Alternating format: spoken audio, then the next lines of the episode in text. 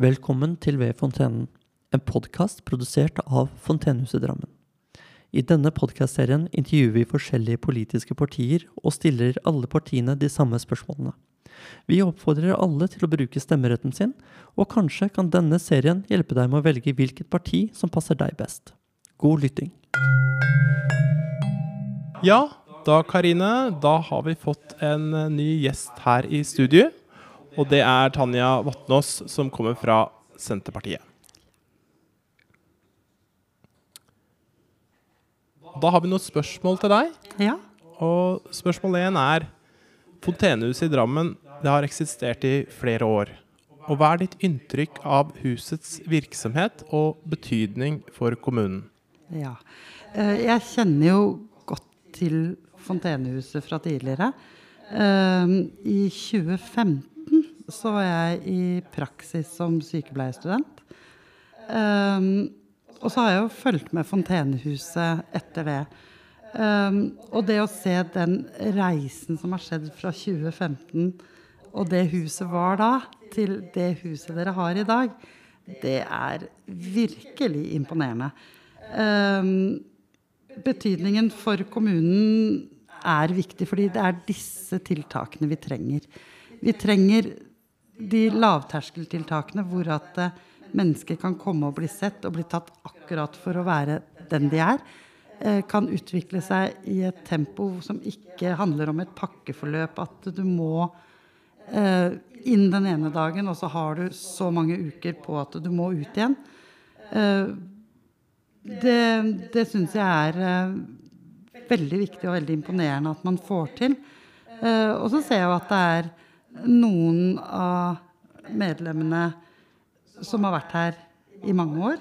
Eh, og så tenker jeg at det syns jeg også er så fint at, eh, at man kan For det er kanskje noen som, selv om dere er et arbeidsfellesskap, så er det kanskje noen som ikke eh, har som mål og skal ut i arbeidslivet igjen, men som får en så økt livskvalitet ved at de er en del av et fellesskap. Mm. så Fontenehuset er viktig for Drammen kommune. Det er ikke tvil om.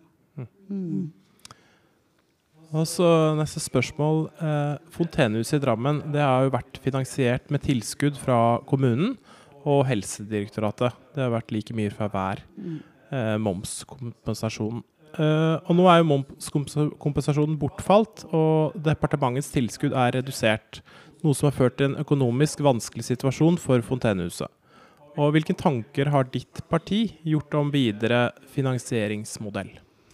Ja, dette er eh, nå sånn midt i valgkampen, så skulle vi jo gjerne bare ha strødd om oss med millioner og sagt at dette fikser vi. Eh, og så er det en del av en mye større helhet.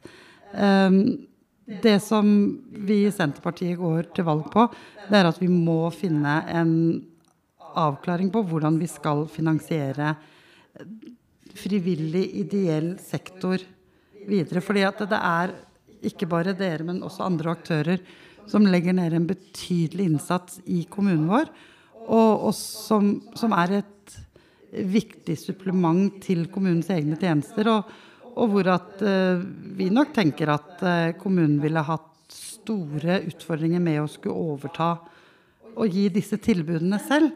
Uh, og så ser vi at dere nå er i en vanskelig situasjon. Vi hører fra andre foreninger også at eh, det gir mye usikkerhet og uforutsigbarhet. At finansieringen er så ustabil at man vet nesten ikke fra år til år om man kan drifte.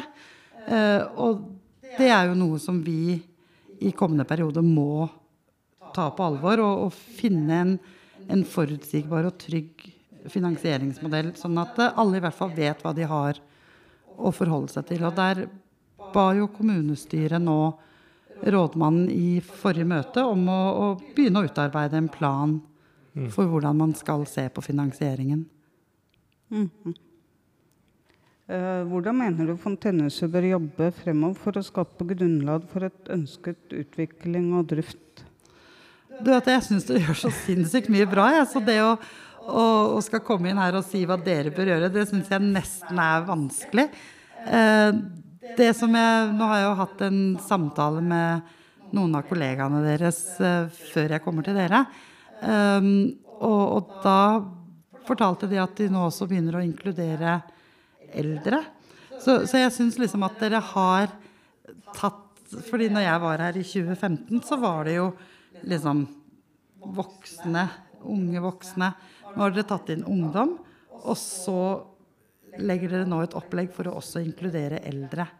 Og det syns jeg er så fint. fordi det vi vet i Drammen, det er det sitter så mange isolerte eldre hjemme som egentlig har ressurser til å kunne bidra inn i et fellesskap. Og så, så jeg tror det å fortsette med å, liksom, utvide at dere får hele livsløpet. Mm. Mm. Hva gleder du deg mest til i sommer? Ah, du vet, jeg er jo ikke noe feriemenneske. Jeg syns ferie er oppskrytt. Eh, så jeg er veldig glad for at jeg skal få lov i år som alle andre år å jobbe hele sommeren. Eh, jeg jobber nå som leder for et asylmottak. Eh, så jeg skal kose meg sammen med flyktningene gjennom sommeren. Og så er det valgkamp, da. Og det syns jeg er kjempegøy med debatter og stand og snakke med mennesker og Så, så det gleder jeg meg veldig til. Mm.